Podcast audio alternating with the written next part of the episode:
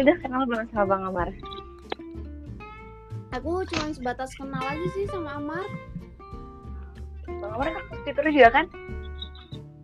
Iya benar. Iya iya, aku post Twitter juga sih. Cuma aku kayak nggak ini sih, nggak banyak aktif sih, pasif. Di divisi apa Bang Amar?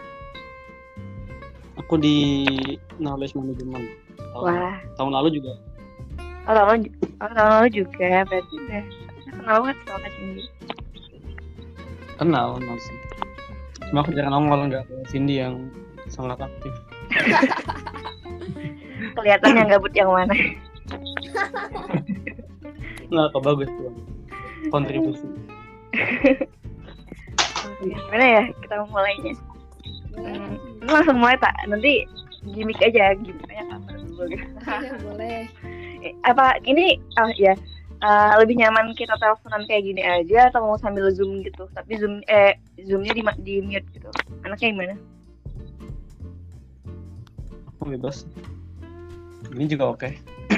Ini juga oke oke. Kalau kalau Kak Cindy, Gini juga oke. oke deh. Ini jelas kan ya suaranya? Enggak terus. Jelas jelas. Oke. Jelas. Baiklah, aku mulai ya. Em, Bismillahirrahmanirrahim. Halo Bang Amar, gimana kabarnya? Halo, alhamdulillah baik. Rizka gimana kabarnya? Alhamdulillah baik juga. Eh, Bang Amar sekarang lagi di Indo atau masih di, udah di Turki? Aku kebetulan masih di Indonesia, insya Allah balik ke Turki sekitar akhir bulan September ya. Oh iya, mau buat ini ya masuk kuliah ya? Iya, iya masuk kuliah. Masuk kuliah, oke. Eh, jadi hari ini tuh kita ada ngobrol-ngobrol santai lah ya sama Bang Amar.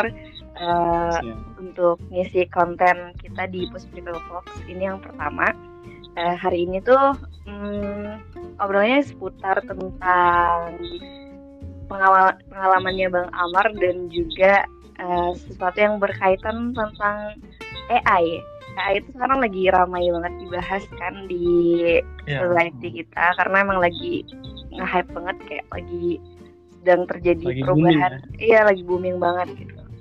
Oke. Oke, mungkin ini ya sebelum kita lanjut ngobrol-ngobrol lebih jauh bisa Bang Amar bisa memperkenalkan dirinya dulu nih.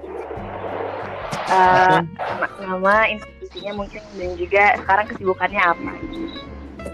Oke, boleh. Eh, sebelumnya kenalin nama aku Amar Abdul Rauf, biasa dipanggil Amar.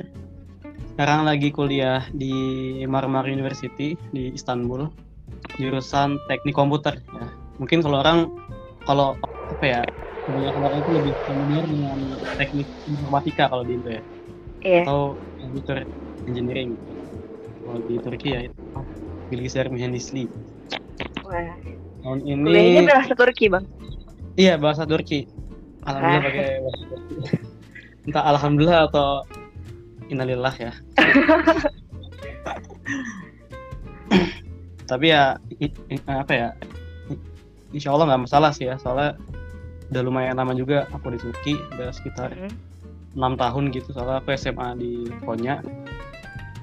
Di Oh, SMA-nya Imam Hatip. Iya di Imam Hatip Konya. Jadi empat Hmm. tahun SMA lumayan lah ya. Udah ada bekal dikit lah bahasa Turkinya gitu. Luar biasa. Eh, terus sekarang eh, kesibukannya kalau Bang Amar sendiri apa tuh? Ah, sekarang lagi magang, lagi mandatory internship. Jadi kan kalau di kampus aku itu eh, mahasiswanya wajib magang dua kali dan sekali kerja lapangan gitu. Jadi kenaikan kelas 3 sama kenaikan kelas 4 itu wajib magang sebulanan lah gitu ya. Setelah itu Oh. semester ketujuh itu full selama satu, satu semester nggak ke kampus tapi ke tempat kerja gitu langsung magang nah sekarang aku lagi magang pertama ya karena aku naik tingkat tiga sekarang insya Allah semester kelima nah aku magang di Indonesia di BRIN di Badan Riset Inovasi Nasional di organisasi riset penerbangan dan antariksa. Kalau ya kalau dulu itu terkenalnya sama LAPAN ya. LAPAN itu lembaga antariksa dan penerbangan nasional. Ya, semacam nasanya Indonesia gitu. Oh, Terus di BRIN Orpa ya kita nyebutnya BRIN Orpa di bagian pusat riset teknologi roket gitu. Oh. Jadi aku magang di situ sekarang dan masih berlanjut insya Allah sampai akhir bulan ini. Eh, magangnya berapa lama bang? Tahu. Magangnya sebetulnya kalau dari kampus itu dimintanya cuma 36 hari ya. Cuma Hmm. kalau magang di BRIN itu nggak bisa singkat gitu. Jadi eh, aku jan apa ya? Aku bikin perjanjian sama supervisor magang aku itu selama tiga Hmm. bulan gitu. Jadi dari bulan eh, Juli kemarin ya Juli Agustus September itu magang. Oh jadi selama summer kemarin magang ya? Iya iya. Yes. Wah, Selama summer kerja. summernya produktif sih, banget nih, great Iya lumayan sih. Cuma ya kita magangnya online gitu. Mm-mm. online jadi nggak ke kantor Brinnya alhamdulillahnya gitu jadi masih online jadi ya lumayan Jadi sih. kerjanya remote. Aku kira aku tuh expectingnya eh, kalau misalnya magang di Brin gitu tuh bakalan kayak menciptakan sesuatu kayak creating something yang fisik gitu loh. iya kalau remote itu gimana tuh? gitu sih. aku expectnya juga ke kantornya kan makanya that's why Ah. aku balik ke Indonesia gitu karena aku ambil magang di Brin ini juga salah satu alasannya jujur ya karena pengen balik ke Indo juga tapi Oh, pas tahu ternyata remote online gitu kan ya itu mah di Turki juga bisa ya mm. tapi ya nggak apa-apa lah gitu. Kalau remote ngapain aja? Eh, sebenarnya di Blin ini kita magangnya eh, lebih apa ya? Lebih ke simulasi gitu. Jadi kita bikin semacam simulasi roket gitu ya. Simulasi lebih apa? Lebih spesifiknya simulasi pendaratan roket gitu. Jadi kita menggabungkan AI dengan eh, roket gitu kita menggunakan AI supaya dia bisa mengendalikan roketnya untuk mendarat gitu. Nah kita tapi di sini nggak pakai roket asli ya. Kalau roket asli kan berat ya dan nggak mungkin gitu. Jadi kita pakai simulasi gitu. Ada game game di PC.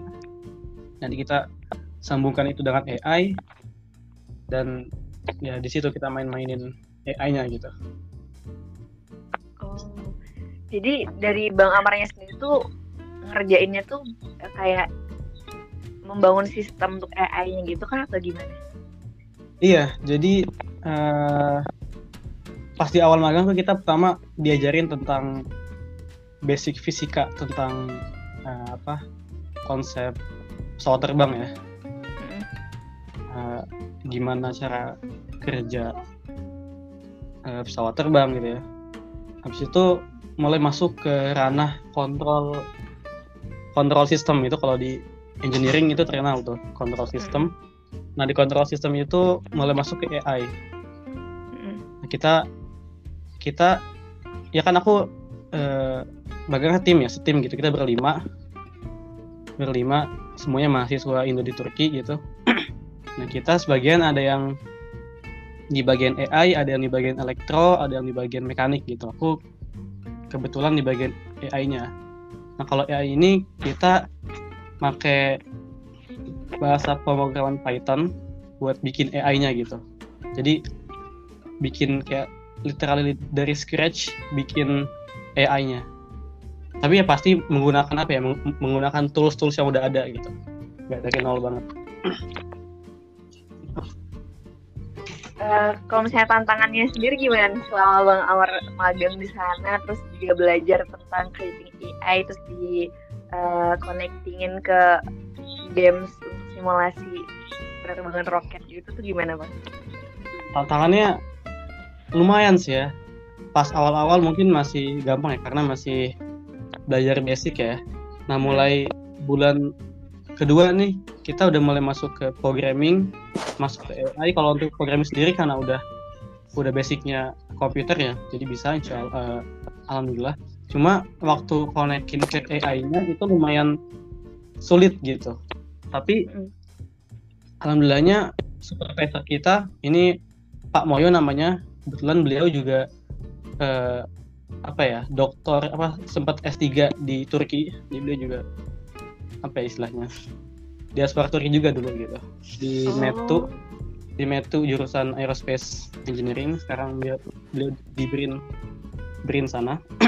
Heeh. ya kita selalu dibimbing gitu. Jadi setiap hari itu kita rutin meeting dua jam tiga jam untuk bahas progres. Kalau ada yang kita nggak paham itu dibimbing gitu pelan-pelan. Jadi ya walaupun tantangannya berat juga tapi selalu ada eh, apa istilahnya ada solution gitu buat ngadapin gitu. Dan ini buat aku juga suatu hal yang baru banget sih soalnya kan ya aku sebelumnya belum pernah main-main sama roket ya.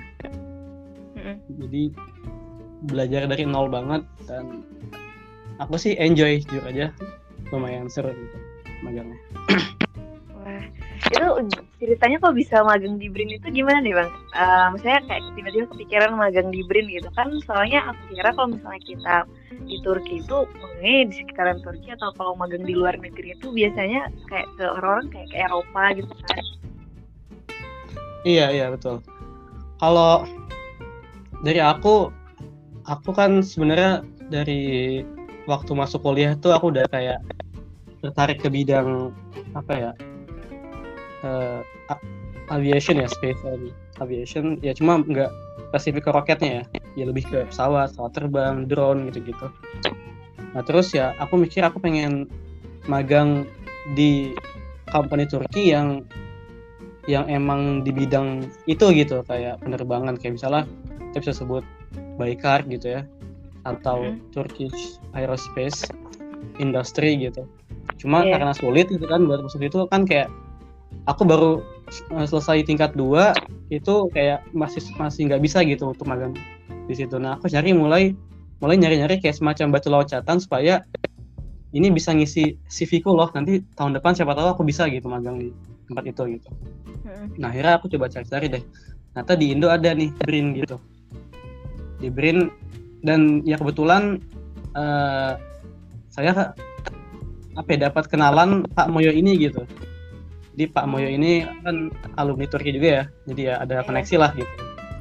Jadi ya saya ngechat Pak Moyo dan beliau juga apa kebetulan butuh mahasiswa gitu untuk dimagangkan istilahnya.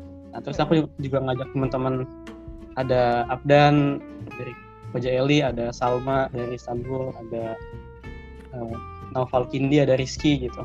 Kita berlima itu semua mahasiswa Turki kita magang di Brin gitu berlima. Gitu. Wah, keren keren keren. Gak expect ya kalau misalnya ternyata tiba-tiba dapet link ke sana. Benar, Ah, benar. Alhamdulillah. Alhamdulillahnya gitu. Alhamdulillah. Udah mau selesai sekarang magangnya. Terus eh, tadi kan Bang Aur juga bilang kalau misalnya di selama ini selama magangnya itu kan banyak belajar tentang AI juga langsung kayak how to create ya nggak cuma tentang eh, menggunakannya aja atau kayak basic basic Iya. aja tapi kayak udah Hmm. langsung gimana cara menciptakan membuatnya gitu. Nah kalau misalnya sepengetahuannya Bang Amar nih eh, kalau selama di Turki sendiri tuh AI itu udah dipakai di sektor-sektor apa aja sih? Kayak mungkin kesehatan, pertanian, manufaktur, pendidikan, transportasi dan yang lainnya gitu. Iya, iya. Eh, ya pastinya se- secara general di Turki pengembangan AI ini udah hampir di, semua bidang ya, ya termasuk kesehatan, industri, logistik, transportasi, terus pendidikan, agrikultur, finance, e-commerce, bahkan ya sampai ke sektor pertahanan ya yang lagi booming di Turki juga ya kemarin apa ya yang sangat-sangat digeborkan di Teknofest itu kan AI-nya drone gitu ya. Nah kalau yang aku lihat sih Turki benar-benar mendukung perkembangan dan penggunaan AI ya. Terus apa eh, mulai dari apa namanya yang tadi udah disebut ya, ya dari sektor industri segala macam.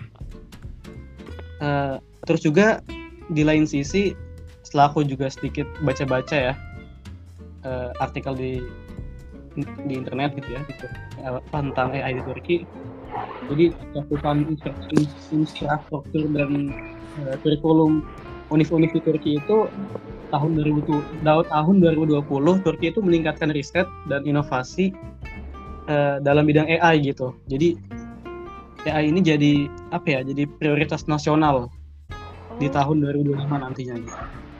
Bahkan Turki ini punya goals ya tahun 2000 tahun 2023 tahun 2020 eh tahun 2030 sorry.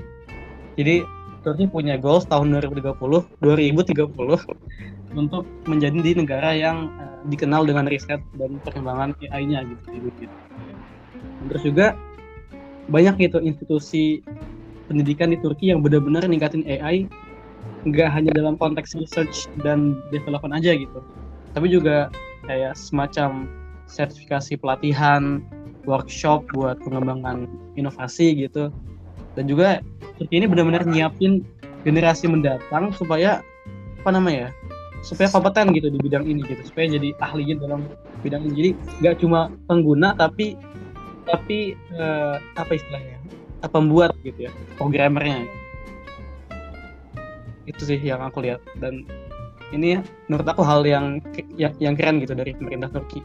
Langkah yang sangat keren keren banget ya berarti prospeknya juga ke depannya. Iya. Terkait AI di Turki ini. betul. Kalau yang sekarang udah eh, teraplikasikan tuh di Turki apa aja deh? AI-nya? sebenarnya mm, nggak hanya di Turki ya di seluruh dunia pun ini kayak udah satu hal yang dipakai ya. Misalnya ya yang kemarin booming itu apa? ChatGPT misalnya ya. Yang bisa jawab semua pertanyaan gitu.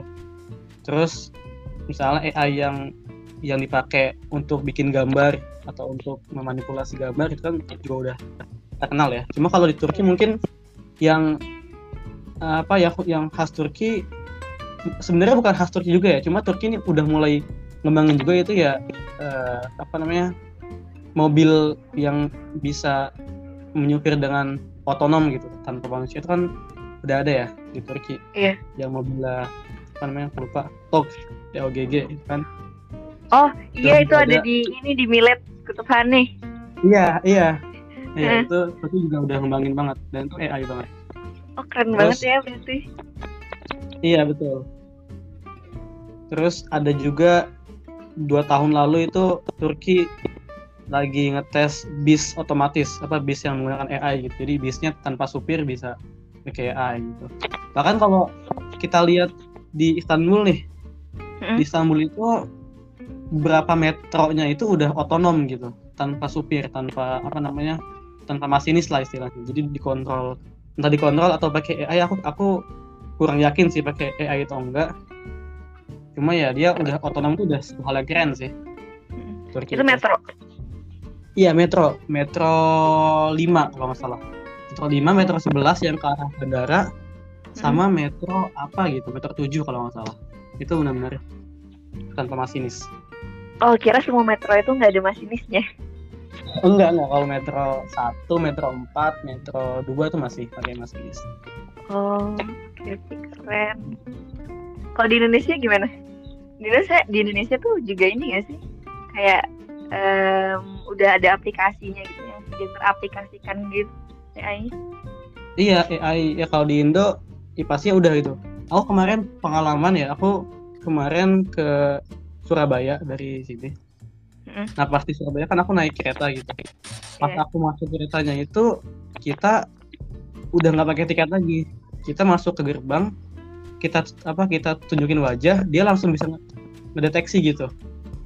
Nah ini salah satu bidang AI yaitu image Mm. apa image image recognition gitu. Pakai Mm. apa pakai computer vision. Jadi tanpa kita ngetap tiket kita dengan kamera yang dipasang di, di gerbangnya gitu ya, istilah di gate-nya, terus dia mendeteksi wajah kita, itu ngebuka ini ya. Pintunya.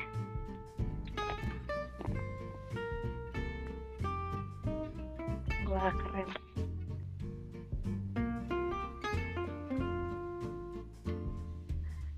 Halo, suara Bang Amar hilang. Saya suara hilang ya. Masuk Ah, masuk, baru masuk, tapi menghilang. sorry, sorry. Mat Gaddafi. Oke, oke. Uh, nah ini juga ada nih uh, pertanyaan terkait tentang etika dan regulasi. Kan sebenarnya uh, kadang tuh orang-orang tuh meng- mengkhawatirkan tentang AI yang nggak sesuai sama uh, apa ya nilai nilai-nilai etis yang ada di sosial dan masyarakat gitu. Terus juga dikhawatirkan kayak yang itu bisa membahayakan umat manusia yang bahkan kayak manusia bisa tergantikan dengan AI gitu-gitu loh. Kalau misalnya Oke. di eh, pemerintah Turki dan lembaga-lembaga terkait yang adil gitu kan mungkin mereka udah ber- eh, berusaha untuk mengembangkan kerangka kerja regulasi yang sesuai untuk memastikan kalau misalnya perkembangan AI itu dilakukan sesuai dengan cara yang etis dan aman. Eh, itu tuh gimana? Eh, bagaimana perkembangan AI juga mengarah pada pertimbangan etika dan regulasi ada gitu, terutama di Turki sendiri. Kalau yang Bang Amar lihat gimana?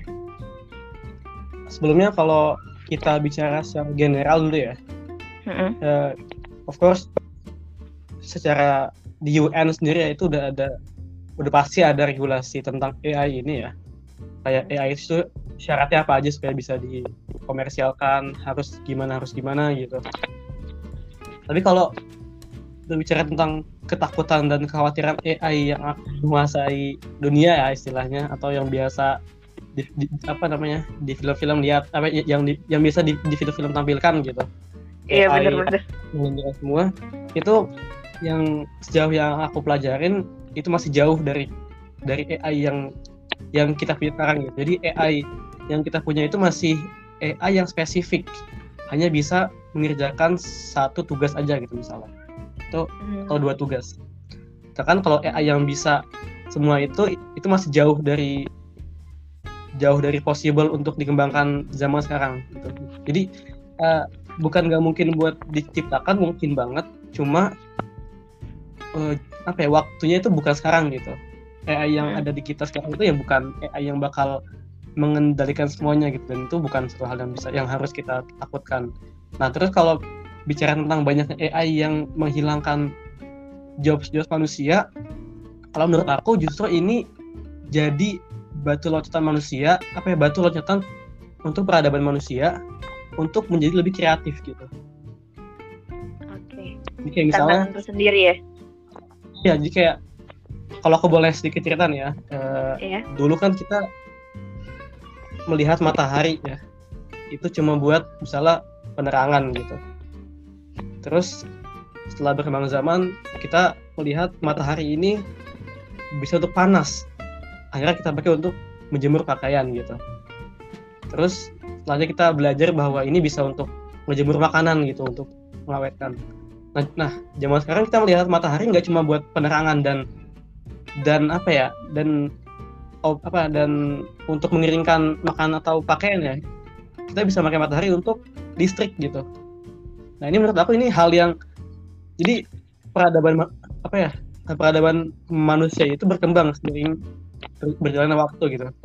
Dulu kita mengandalkan tenaga untuk bekerja untuk mendapatkan uang misalnya. Nah kita sekarang harusnya semakin berpikir gitu kita mendapatkan uang dengan akal kita gitu.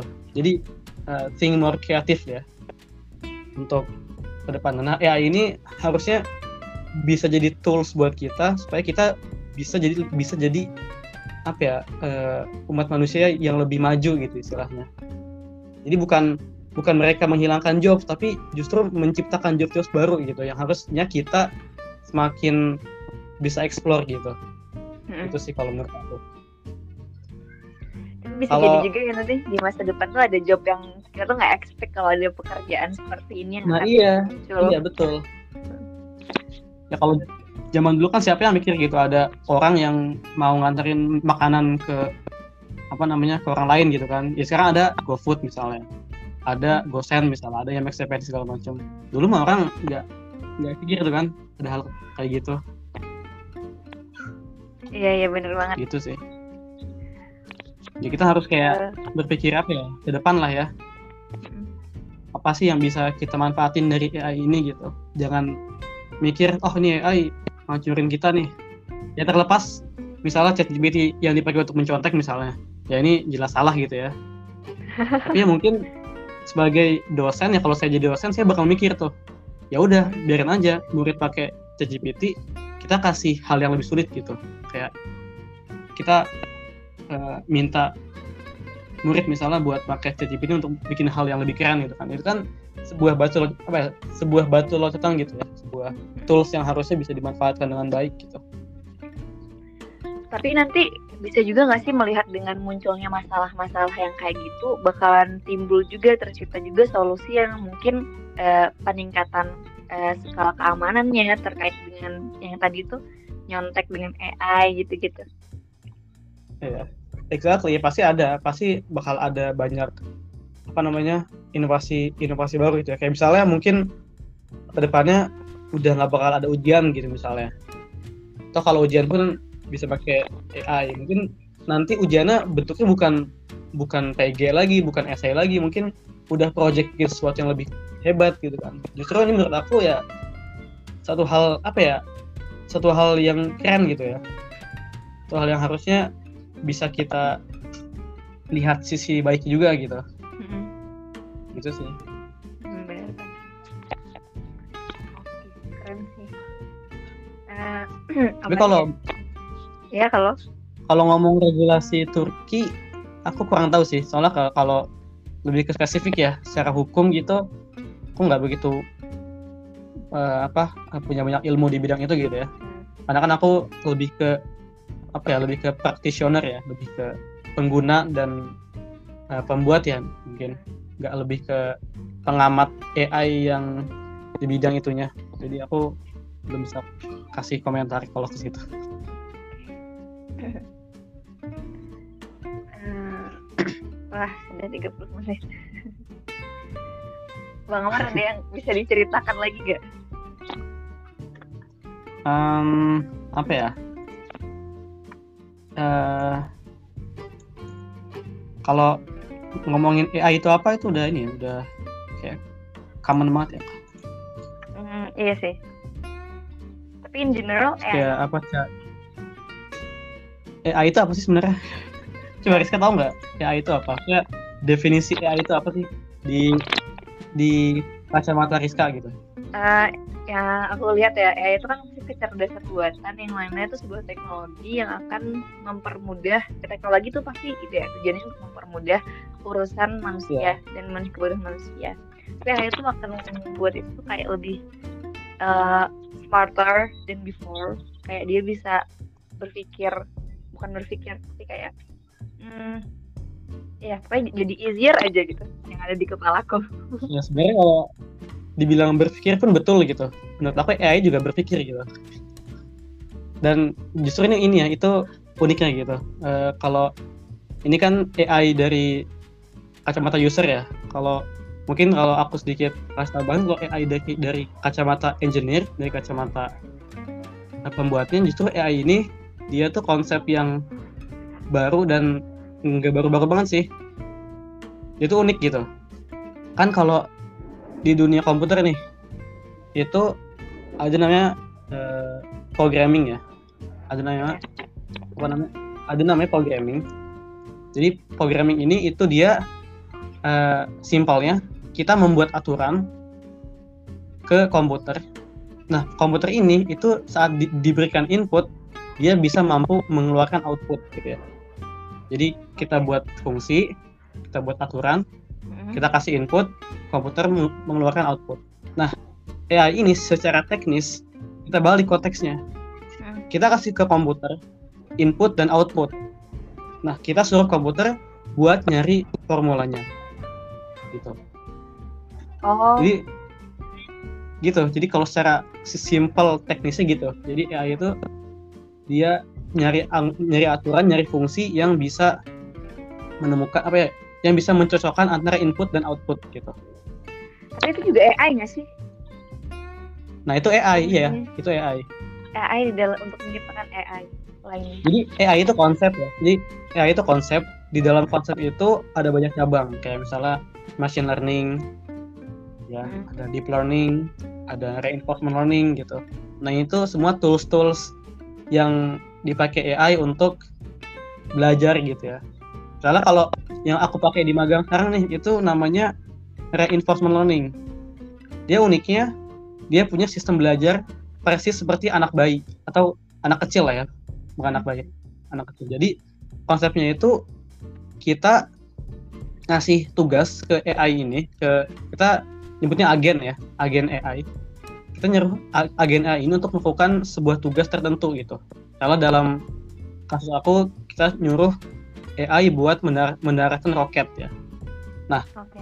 Kita nggak ngasih tahu gimana caranya. Kita cuma ngasih lingkungan. Misalnya kita taruh AI itu agen itu ke sebuah simulasi di komputer gitu ya roket gitu. Nah kita nggak nggak ngasih tahu gimana caranya supaya dia bisa mendaratkan roket itu. Kita cuma ngasih apa ya? Kita cuma ngasih dia hadiah kalau dia berhasil dan kita kasih dia hukuman kalau kita eh kalau si agennya kalah apa eh, gak, gak berhasil. Sama Oh, seperti gitu. anak kecil ya. Anak kecil misalnya kita suruh dia buat belajar ya buat apa ngerjain soal Iya. matematika misalnya. Saat dia ngerjainnya salah kita kasih hukuman gitu. Misalnya minus 10 ini poinnya misalnya. Cuma kalau dia ngerjainnya bener kita kasih nilai plus. Nah sama di AI yang aku pakai ini itu konsepnya kayak gitu gitu Dia reward and punishment-nya tuh berupa angka gitu, skor gitu. Iya, berupa angka.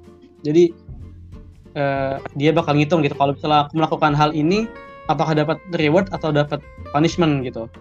Nah itu ntar akan diolah lagi sama sama dia. Nah terus di dalam AI ini dia menggunakan apa deep neural network ya. Jadi kayak semacam network seperti otaknya lah ya. Iya. Jadi kayak menghubungkan angka-angka gitu ya. Eh, kalau saya melakukan ini, ntar hasilnya ini, ini, ini, ini gitu. Nah itu sebenarnya kompleks banget sih kalau mau Iya, dibahas bisa lanjut. membayangkan sekompleks apa itu. Iya. Cuma Tapi keren sih apa? Aku ngelihat ya ini dia sangat memimikkan otak manusia ya.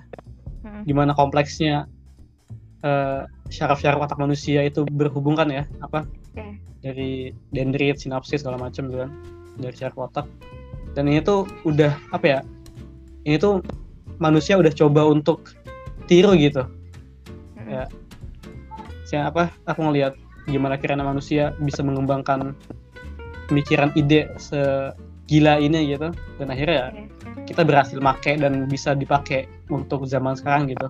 Dan bener-bener apa namanya? memudahkan ini kan, memudahkan tas-tas kita sekarang gitu. keren sih. Luar biasa. Tapi tadi eh, balik lagi sama yang dia berkaitan sama punishment and reward. Habis itu kan itu kayak bakalan jadi kayak sistem kerja otaknya dia gitu kan. Iya. Dan Bang Amar kan Bang Amar berarti udah punya nih otaknya. Terus Bang Amar eh, yang eh, tinggal ngasih ngasih reward and punishment gitu. Mm-mm. Berarti ada orang lain yang membuat template-nya itu dulu. Eh, nah iya, jadi kalau mau bahas lebih dalam lagi ya, tools-tools yang tools-tools yang dipakai buat bikin AI ini itu kan banyak ya. Jadi di internet itu apa di internet itu udah banyak banget tools atau semacam kerangka untuk kita mulai membuat AI itu sebenarnya udah ada kayak misalnya kalau boleh sebut nama ya TensorFlow gitu atau PyTorch gitu ya. Itu Hmm. mereka bisa bisa pakai Python buat dikembangin lagi gitu. Nah aku ya aku pakai kerangka yang udah orang lain buat.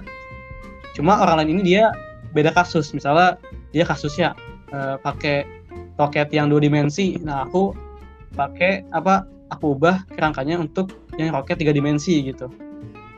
Tapi apa? eh, tetap aku buat dari nol juga ini ya apa namanya lingkungan yang akan dipakai oleh agen AI, AI ini untuk belajar mendar, mendar, mendaratkan roket gitu Mm-mm.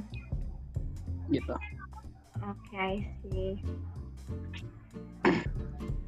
Terus untuk selanjutnya berarti selanjutnya langsung kembali ke Istanbul melanjutkan kuliah di Marmara Univ ya. iya iya insya Allah mau lanjut juga ya pasti lanjut sih Tapi Masa- Eh, aku lupa nanya lagi tadi dia mal Mas Amar tuh eh Bang Amar tuh ini ya masih S1 atau S2 Aku S1. oh S1 oh Iya, iya S1. kan dari SMA SMP SMA nya Iya, di SMA. Turki itu lanjut SMP-nya kuliah di Indo, SMA-nya di Turki. Heeh. Wah. Keren, Jadi sekarang masih S1 di Istanbul, tingkat 3. Ya. Habis ini ikut Teknofest ya berarti tahun depan Ya, insya Allah sih pengen sih, pasti pengen lah ya. ada Hmm. keinginan untuk join Iya. Teknofest Lihat, lihat nanti sih. Kalau ya ada keinginan nih, pasti ada sih. Kayaknya mahasiswa Indonesia juga sering ngirim eh, mahasiswanya gitu Univ Indonesia sering ngirim eh, perwakilan dari mahasiswa Indo buat ikut Teknofest gitu ya Iya ada kalau di Indo ya itu, itu sebenarnya inisiatif kampus masing-masing ya. Ya. Iya. Kalau kemarin tuh dari mana ya? ITS nggak sih atau mana ya? Aku lupa. ITB ITS aku dengar juga Iya. juga ada ngirim Iya emang banyak. Nah, ya, yang belum ngirim tuh dari dari Turki yang belum nih. oh ya oh mahasiswa Indonesia ya ini di Turki ya Maksudnya iya mahasiswa Indo yang di Turki tuh masih belum ada yang join. Hmm. Sebenarnya udah ada, Ya, cuma bukan mahasiswa, dia SMA gitu. oh eh ya mahasiswanya juga ada yang yang yang mahasiswa juga ada dia sampai masuk final juga ada gitu bahkan yang SMA pun ada juga gitu ada nah, teman apa apa teman adik kelas satu gitu dia masih SMA di yang Hatip Istanbul dia sampai masuk final di Teknofest tahun kemarin. Tahun ini malah Wow. di Istanbul. Gitu. oh keren banget ya. Startnya udah dari Sebenarnya ya sana kalau dia. di- iya. Harus disupport sih kalau kalau yang kayak gitu tuh. Sebenarnya kalau kalau apa? next hmm gimana?